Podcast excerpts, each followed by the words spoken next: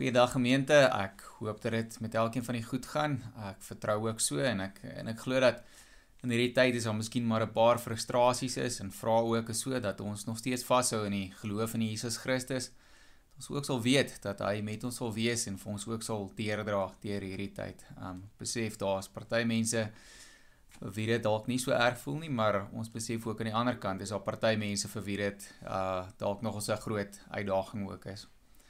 Daar is ook twee ander afkondigings wat ek net vinnig wil deurgee. Die een is dat ehm um, komende donderdag, die 21ste, is dit Hemelvaart en daarom sal ons op dieselfde manier as wat ons eintlik ook nou doen, 'n uh, boodskap uh, beskikbaar hê, ook so deur middel van 'n van 'n videoetjie of 'n MP3 klankgreep of uh, en, en dan ook uh van volgende Sondag af tot die 28ste, die 24ste tot die 28ste Mei is dit die Pinkster tydperk ook 'n week van Pinkster en dan sal Dominee Baarnors vir ons die Pinkster lei maar ongelukkig van jaar nou nie binne in die kerk nie um of by Rosenheim selfs ook nie maar op dieselfde manier as wat ons eintlik nou doen deur middel van 'n van 'n YouTube video. So ons sal dit ook beskikbaar maak. Asof van julle is wat graag eerder die MP3 uh net die klankgreep, net die 'n klankboodskap wil hê deur middel van 'n WhatsApp boodskap, dan laat weet my asseblief. Ek kan dit ook dan so vir julle aanstuur. Ehm um, so laat laat weet my asseblief. Kom ons maak hier oor toe en dan bid ons ook saam en vra die Here se seën. So Hemelse Vader, baie dankie dat U vir ons baie goed is. Dankie dat ons weet dat U altyd in beheer is. En ons is maar mense wat ons eie menslike vermoë en verstand voor U moet kom plaas weer en weer. Jy moet erken dat ons maar baie keer dink in terme van ons gedagtes, in terme van ons eh, brein en en en alles wat ons weet op hierdie stadium binne in die wêreld. En Here, ons is maar mense wat so maklik rondval ook met met wat ons dink en wat ons graag wil hê moet gebeur en wat besluit moet word en en so aan. Soveel so dat ons partykeer mekaar moedeloos maak of selfs soms negatief. Wil U asseblief vir elkeen van ons kom rustig hou vir ons die rustigheid in ons harte kom gee dat U in beheer is en dat U nog altyd was en dat U ook in hierdie tyd met elkeen van ons sal wees. In besonder die mense wat moedeloos word en wat onseker is oor dinge en wat maar 'n klomp vrae ook het. Wil U ook asseblief vir elkeen van ons kom beskerm, vir ons veilig hou en vir ons oppas in hierdie tyd terwyl daar ook maar onsekerhede is rondom gesondheid. Dankie Hemelse Vader dat ons ook vir U het om aan vas te hou ons geloof in Jesus Christus.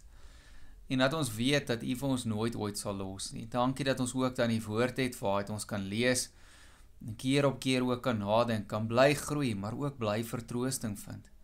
En wil U asseblief vandag vir ons weer uit hierdie woord U woord kom leer. Hemelse Vader, wees asseblief dan so met met mense wat ons lank gelede gesien het, ons familie en vriende Hou vir hulle veilig in hierdie tyd. Here, wil U asseblief vir elkeen van hulle ook kom bystaan. En Here, dankie vir alles wat U vir ons gee en wat U vir ons doen. Dankie dat ons U naam mag aanroep, dat ons tot U kan nader en kan weet dat U elkeen van ons gebede verhoor en dit beantwoord. Ons bid dit in die naam van Jesus Christus, die Here. Amen. Nou ons gaan vandag lees uit Kolossense uit. So julle is welkom so lank na Kolossense toe te blaai. Die grootste gedeelte kom maar uit verse van Kolossense 2. En dan is daar ook so eh, een gedeeltjie wat kom uit Kolossense 3 uit.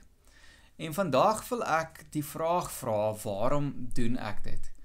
Ek dink dis 'n vraag wat elkeen van ons sekerlik al in ons lewens 'n paar kere miskien vir ons self afgevra het. Dit kan 'n positiewe vraag wees, kan 'n negatiewe vraag wees afhangend van van wat besig is om te gebeur in ons lewe en ek dink is 'n vraag wat mens partykeer vra om perspektief in ons lewe te kry. Met ander woorde, ons is hier op 'n sekere punt in ons lewe en dan wil ons vra hoe het ons tot hierso gekom en en waarom is ons nou op hierdie stadium hier en en hoe lyk die dinge ook vir ons vorentoe as ons so in ons gedagtes dink en dit wat ons beplan ook eintlik dan nou vir vorentoe. So as ons dan vra waarom doen ek dit, dan gee hierdie vraag dikwels vir ons perspektief ook.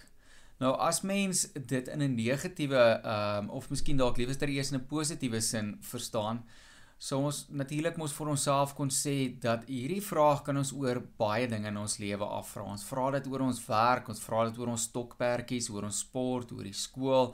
Um ons ons vra dit dikwels ook oor geloof.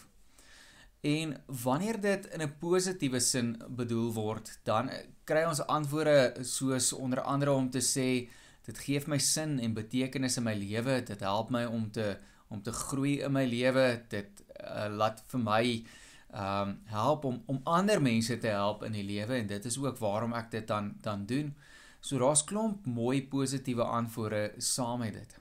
Oor dieselfde dinge, ook oor sport en stokperdjies en uh miskien selfs verhoudings of ons geloof oor klomp ander dinge ons werk kan ons hierdie selfde vraag vra waarom doen ek dit?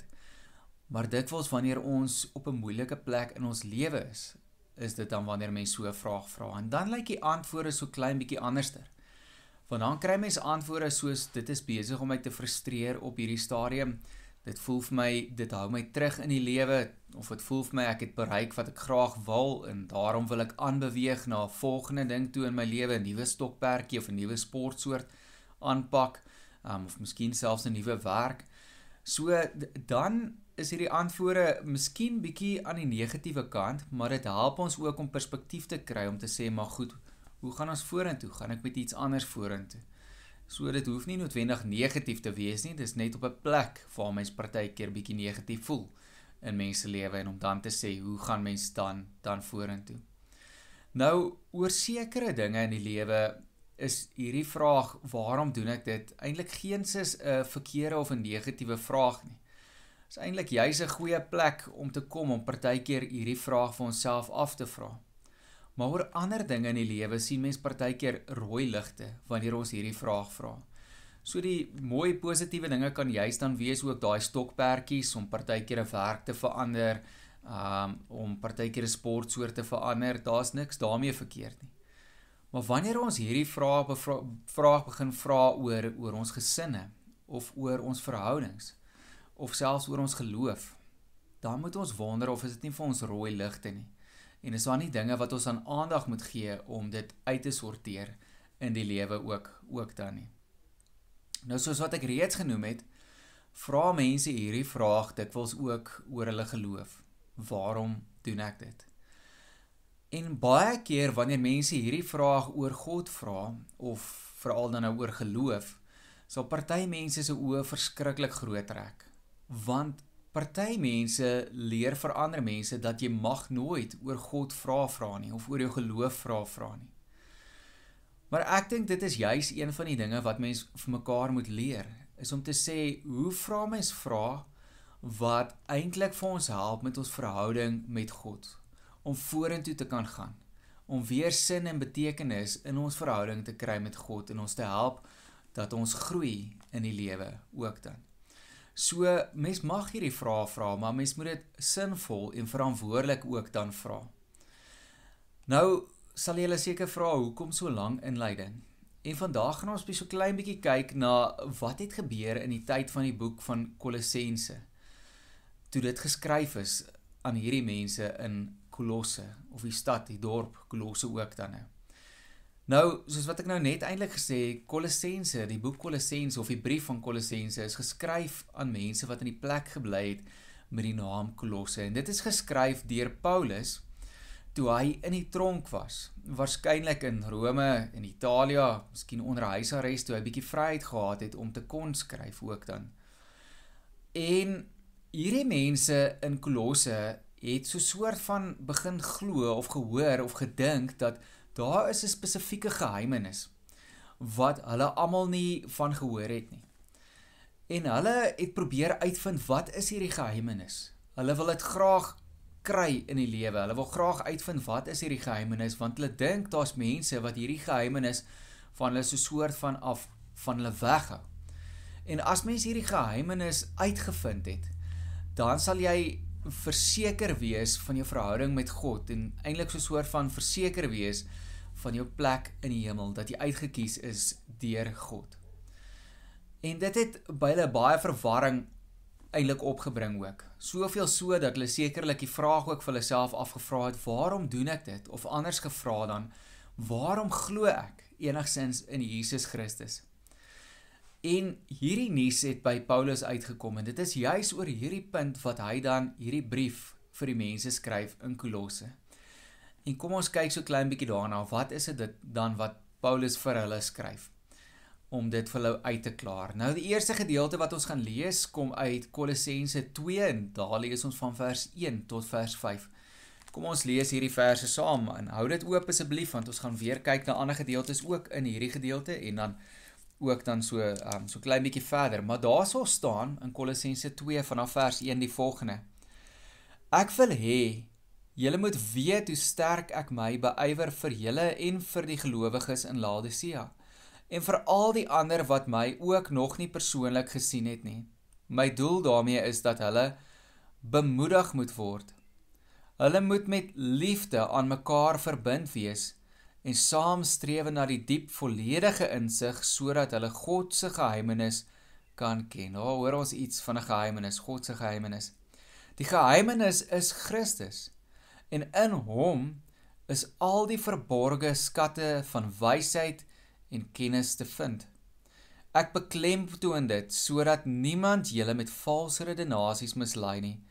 Al is ek nou nie persoonlik daar nie is ek tog in die gees by julle en is ek bly om te sien dat julle die goeie orde handhaaf en dat julle geloof in Christus stewig en vas staan. Ek dink as mens weer kyk na vers um 2 en vers 3 en ook dan vers 4 sien ons in dit die volgende gedeeltes. Hoor vers 2 eers weer 'n keer. My doel daarmee is dat hulle bemoedig moet word. Hulle moet met liefde aan mekaar verbind wees en saamstrewe na die diep volledige insig sodat hulle God se geheimenis kan ken. So in hierdie gedeelte hoor ons dit wat ek reeds gesê het, ons hoor iets van 'n geheimenis. En hierdie mense het gedink daar's 'n ander tipe geheimenis waarvan hulle nie weet nie. Nou hoor hulle iets van God se geheimenis.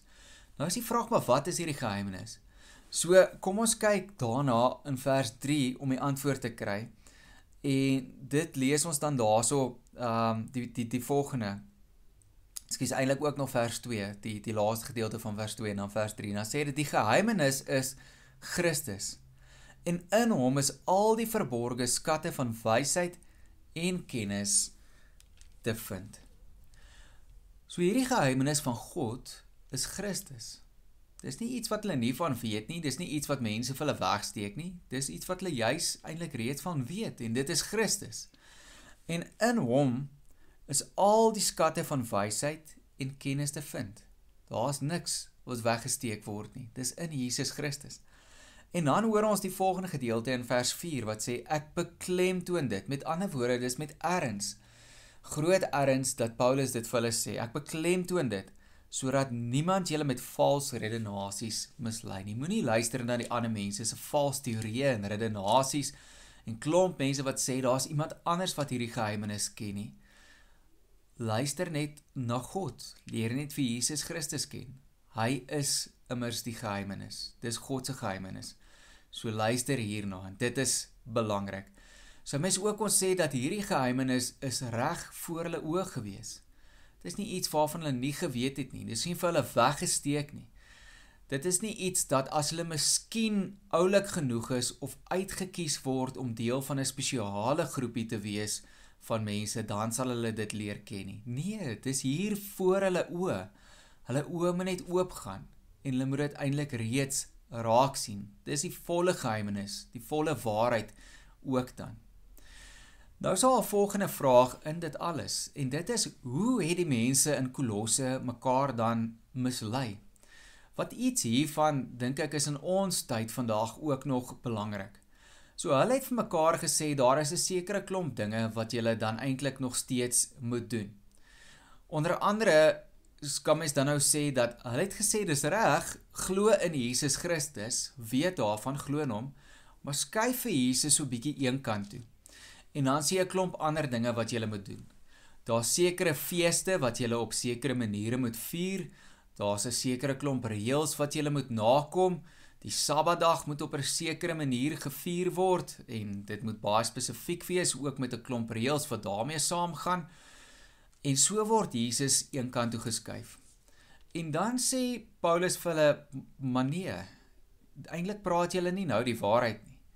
Julle moet dit juis andersom doen. Plaas vir Jesus Christus in die middel en hou julle fokus op hom en leer hom ken. En dan kan die ander goeders bykom en kan julle dit ook doen. Maar die ander goeders, die feeste en die reëls moenie die middelpunt van julle lewe wees nie. Nou kom ons lees bietjie verder aan in Kolossense 2 daarvan vers 16 af, vers 16 en 17 en hoor mooi wat word in hierdie gedeelte dan gesê ook dan vir um vir die mense. Wanneer Paulus hieroor praat, dan sê hy Daarom moet julle nie dat iemand vir julle voorskrywe wat julle moet eet en drink nie of dat julle jaarliks die jaarlikse feeste of nuwe maansfees of die Sabbatsdag moet vier nie. Dit is alles maar net die skaduwee van wat sou kom. Die werklikheid is Christus. Mense kan dit verkeerd verstaan ook. Mense kan sê skuif dit heeltemal een kant toe. Dis glad nie belangrik nie en ek dink dit is wat hier gesê word nie. Wat eerder hier gesê word is dat Jesus moet die middelpunt wees. Die ander goeters moet bykom. Dit moenie die kern wees. Dit nie moenie goed wees waarop jy eerste fokus en van Jesus vergeet nie. So verstaan dit asseblief baie mooi. Ek sê nie die ander goed is nie belangrik nie. Nou ons hoor keer op keer deur Kolossense eintlik dat Paulus vir hulle probeer duidelik maak dat Jesus die middelpunt is, dat Jesus die belangrike is. En daar's so 'n paar versies van dit het ons eintlik nou klaar gelees ook, maar kom ons kyk maar weer daarna.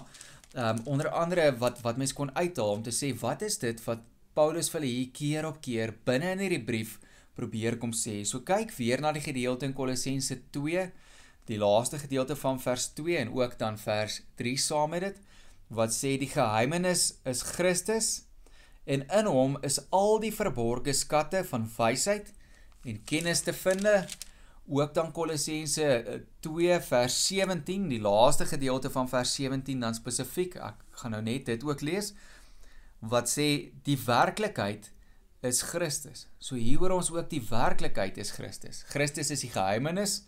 Christus is die werklikheid.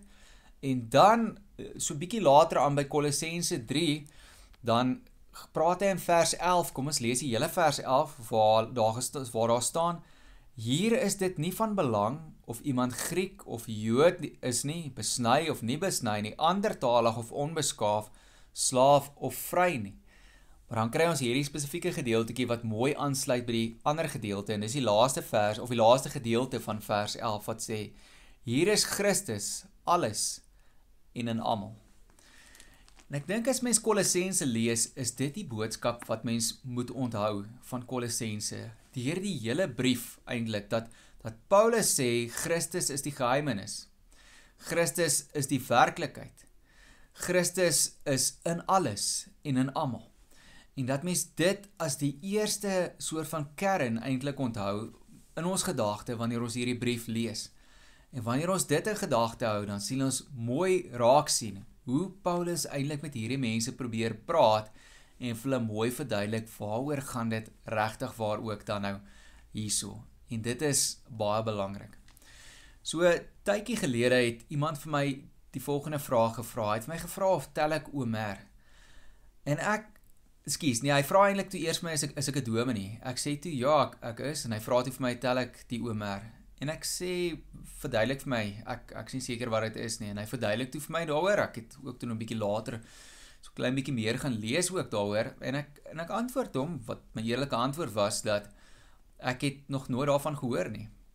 En toe sê hy, maar dit is baie skokkend. En agterna toe ek nou so 'n bietjie hieroor dink en daaroor lees ook, toe vra ek vir myself hierdie vraag af. As ek die oom Hersel tel, waarom sal ek dit doen? Wat sal dit anderster maak in my lewe? Want ek dink dit is baie keer wat in ons lewens gebeur. Is dit nie manier op 'n manier juis wat Paulus vir die mense probeer sê nie. Dat hy vir hulle sê wees versigtig, moenie julle lewe probeer oorlaai met met klomp dinge of klomp verwagtinge in julle lewe wat julle daar vir julleself plaas. En op die ouene van die dag kan julle nie by alles uitkom nie. Maar eintlik vergeet julle van dit wat die belangrikste is. Julle vergeet van Jesus Christus as die geheimenis, as die werklikheid en as die waarheid die middelpunt van julle lewe. Moenie dit vergeet nie. Fokus eerder daarop. En dis 'n eenvoudige beginsel wat mense in mense lewe moet toepas ook soms. Nou, ek sê nie dat mens nie feeste moet vier nie. Ek sê nie dat daar nie belangrike dae in ons um kalender is of vir ons as Christene is nie. Natuurlik is dit baie belangrik. Daar's klomp dinge wat ons daagliks of miskien maandeliks of jaarliks doen of aanpak, weekliks miskien ook. Van dit is onder andere om Kersfees te vier, Pinkster te vier, Paasfees te vier. Om onder andere dan Bybel te lees of Bybelstudiegroepe by te woon. Maar wat ek wel sê is dat as kuiers die belangrike punt van Paasfees en van Kersfeesvieringe geword het en Jesus Christus het eenkant toe geskuif dan mis ons eintlik so klein bietjie die punt nê. As ons by 3 Bybelstudiegroepe betrokke is en bymekaar is, maar ons kan nie wag om met mekaar te gesels en nuwe dinge te deel oor oor goeders wat in ons lewe gebeur in ons gesinne en en wat ons gekry het en oor ons werk en en sommer net klomp lekker praatjies nie. Dan is die vraag of het hierdie Bybelstudiegroepe nog hulle belangrikheid sin of het dit nie miskien vir Jesus Christus so klein bietjie kant toe geskuif nie. En dis die vraag wat ek vandag vir ons afvra. As ons vra waarom doen ek dit? Is dat ons vir ons ook vir onsself afvra, waar is Jesus binne in dit alles? Is hy nog die middelpunt van dit alles? Is hy die kern ook dan hiervan? Daar's om jou af te sluit, uh twee Engelse terme wat mens partykeer gebruik. Ek dink die een kan mens baie mooi in Afrikaans vertaal. Miskien moet ek dit liewerster sommer in Afrikaans doen daardie een. En dit is om te sê hou dit eenvoudig. Die Engels sou wees keep it simple. En dit geld ook in ons geloofslewe. Partykeer moet ons weer vir onsself herinner dat ons moet dit net eenvoudig hou. Ons moenie klomp verskillende dinge aanpak en dit ingewikkeld probeer maak op so 'n manier dat ons op die ouene van die dag eintlik self of onsself te mekaar maak en moedeloos word nie. Die tweede ene is en ek het nie 'n manier om dit in Afrikaans te vertaal nie, so jammer daaroor. Maar dit sê less is more. Miskien het julle dit ook al daarvan gehoor. En dit kom eintlik daarop neer om te sê soms is dit beter in ons lewe om minder dinge op een slag aan te pak. En dit is ook waar in ons geestelike lewens, in ons geloofslewe. En daarmee sê ek nie dat ons nie verskillende dinge moet aanpak nie of dat ons net oor Jesus moet leer en dis al nie, net tekste van Jesus moet lees nie. Dis nie wat ek ook sê nie. Die Bybel het baie gedeeltes. Ons moet die groter gedeelte van die Ou Testament en ander gedeeltes ook van die kerk, ehm um, die vroeë kerk leer lees en ken en alles alles daarmee saam. Maar Jesus as ons verlosser moet in die middelpunt van ons lewe wees. Maar wanneer ons sê pak minder op een slag aan, dan bedoel ek doen dit op so 'n manier. Doen Bybelstudie by 'n Bybelstudiegroep of Bybel lees of selfs wanneer ons Kersfees vier of Paasfees of Pinkster wat sommer voor ons lê. Hierdie tipe dinge. Dan moet ons dit op so 'n manier kan doen dat dit regtig waar vir ons eintlik 'n impak op ons lewe maak, dat dit verandering in ons lewe doen, dat die intensiteit daarvan eintlik fantasties is, groot is en goed is. So kan mens dit miskien opsom deur te sê doen minder, maar doen die intensiteit daarvan meer. Dat dit meer doelgerig is en dat ons meer groei ook in hierdie proses. Dink ons moet ophou om onsself partykeer kwaadlik te neem om te sê ek moet meer en meer en meer doen. Ons hoef nie noodwendig meer te doen nie. Ons hoef nie te voel daar's nog iets anderster, 'n ander geheimenis wat ons moet doen, wat ons miskien mis, wat ander mense regkry nie. Plaas vir Jesus Christus in die middel en maak seker dat dit wat ons van hom leer en hoe ons die woord bestudeer en hoe ons Bybelstudie hou en hoe ons groei dat die intensiteit daarvan goed is. En dan sal ons voel dat ons in ons lewe ook vorentoe beweeg. Pas dit toe in julle lewe. Kom ons probeer dit ook in hierdie tyd van ons lewe ook. Kom ons bid saam. Ons hemelse Vader, baie dankie dat ons u woord het wat ons kan lees. Dankie dat ons mense het wat ons kan help om te groei in ons lewe, miskien vir ons raad kan gee ook. Maar dankie dat ons ook saam met die mense van Kolosse kan hoor dat daar's nie ander dinge wat vir ons weggesteek word nie. Een of ander waarheid of geheimenis wat ons nie van weet nie. Ons het die volle waarheid en dit is Jesus Christus. En dat ons weer eens sal dink oor ons geloof in Jesus Christus. Wanneer ons dan dink oor ons groei ook rondom dit, dat ons mooi sal dink oor hoe ons dit aanpak en dat ons intens tyd saam met U sal spandeer. Dat ons dit nie ingewikkeld hoef te maak vir onsself nie, maar dit net sinvol sal wees. Kom help asseblief vir ons ook hiermee. Help ons om te groei, te kan sien hoe wonderlik U in ons lewe is en dit wat U doen. Maar Here om te voel ook dat in ons lewe, ons geloof ook, is ons besig om vorentoe te gaan. Dankie dat U nooit ooit vir ons los nie, dat U altyd by ons is en as ons ook in hierdie wintertydperk ingaan en ons voel hoe koud die oggende is, ons weet dat U ook in hierdie tyd by ons is. Wil U dan in in besonder ook met hierdie tyd van COVID-19 in ons land reg oor die wêreld met ons wees terwyl ons hier in 'n wintertyd ingaan.